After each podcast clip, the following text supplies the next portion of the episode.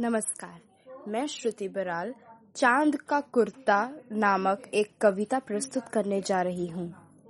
इस कविता के कवि हैं रामधारी सिंह दिनकर। हटकर बैठा चाँद एक दिन माता से वह बोला, सिलवा दो माँ, मुझे ऊन का मोटा एक झिंगोला।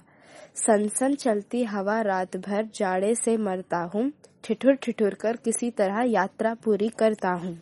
आसमान का सफ़र और यह मौसम है जाड़े का। न हो अगर तो ला दो कुर्ता ही कोई भाड़े का।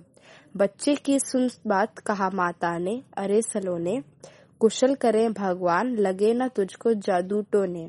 जाड़े की तो बात ठीक है, पर मैं तो डरती हूँ।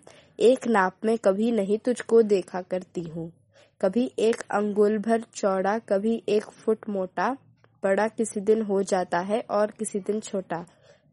घटता बढ़ता रोज किसी दिन ऐसा भी करता है, नहीं किसी की भी आँखों को दिखलाई पड़ता है।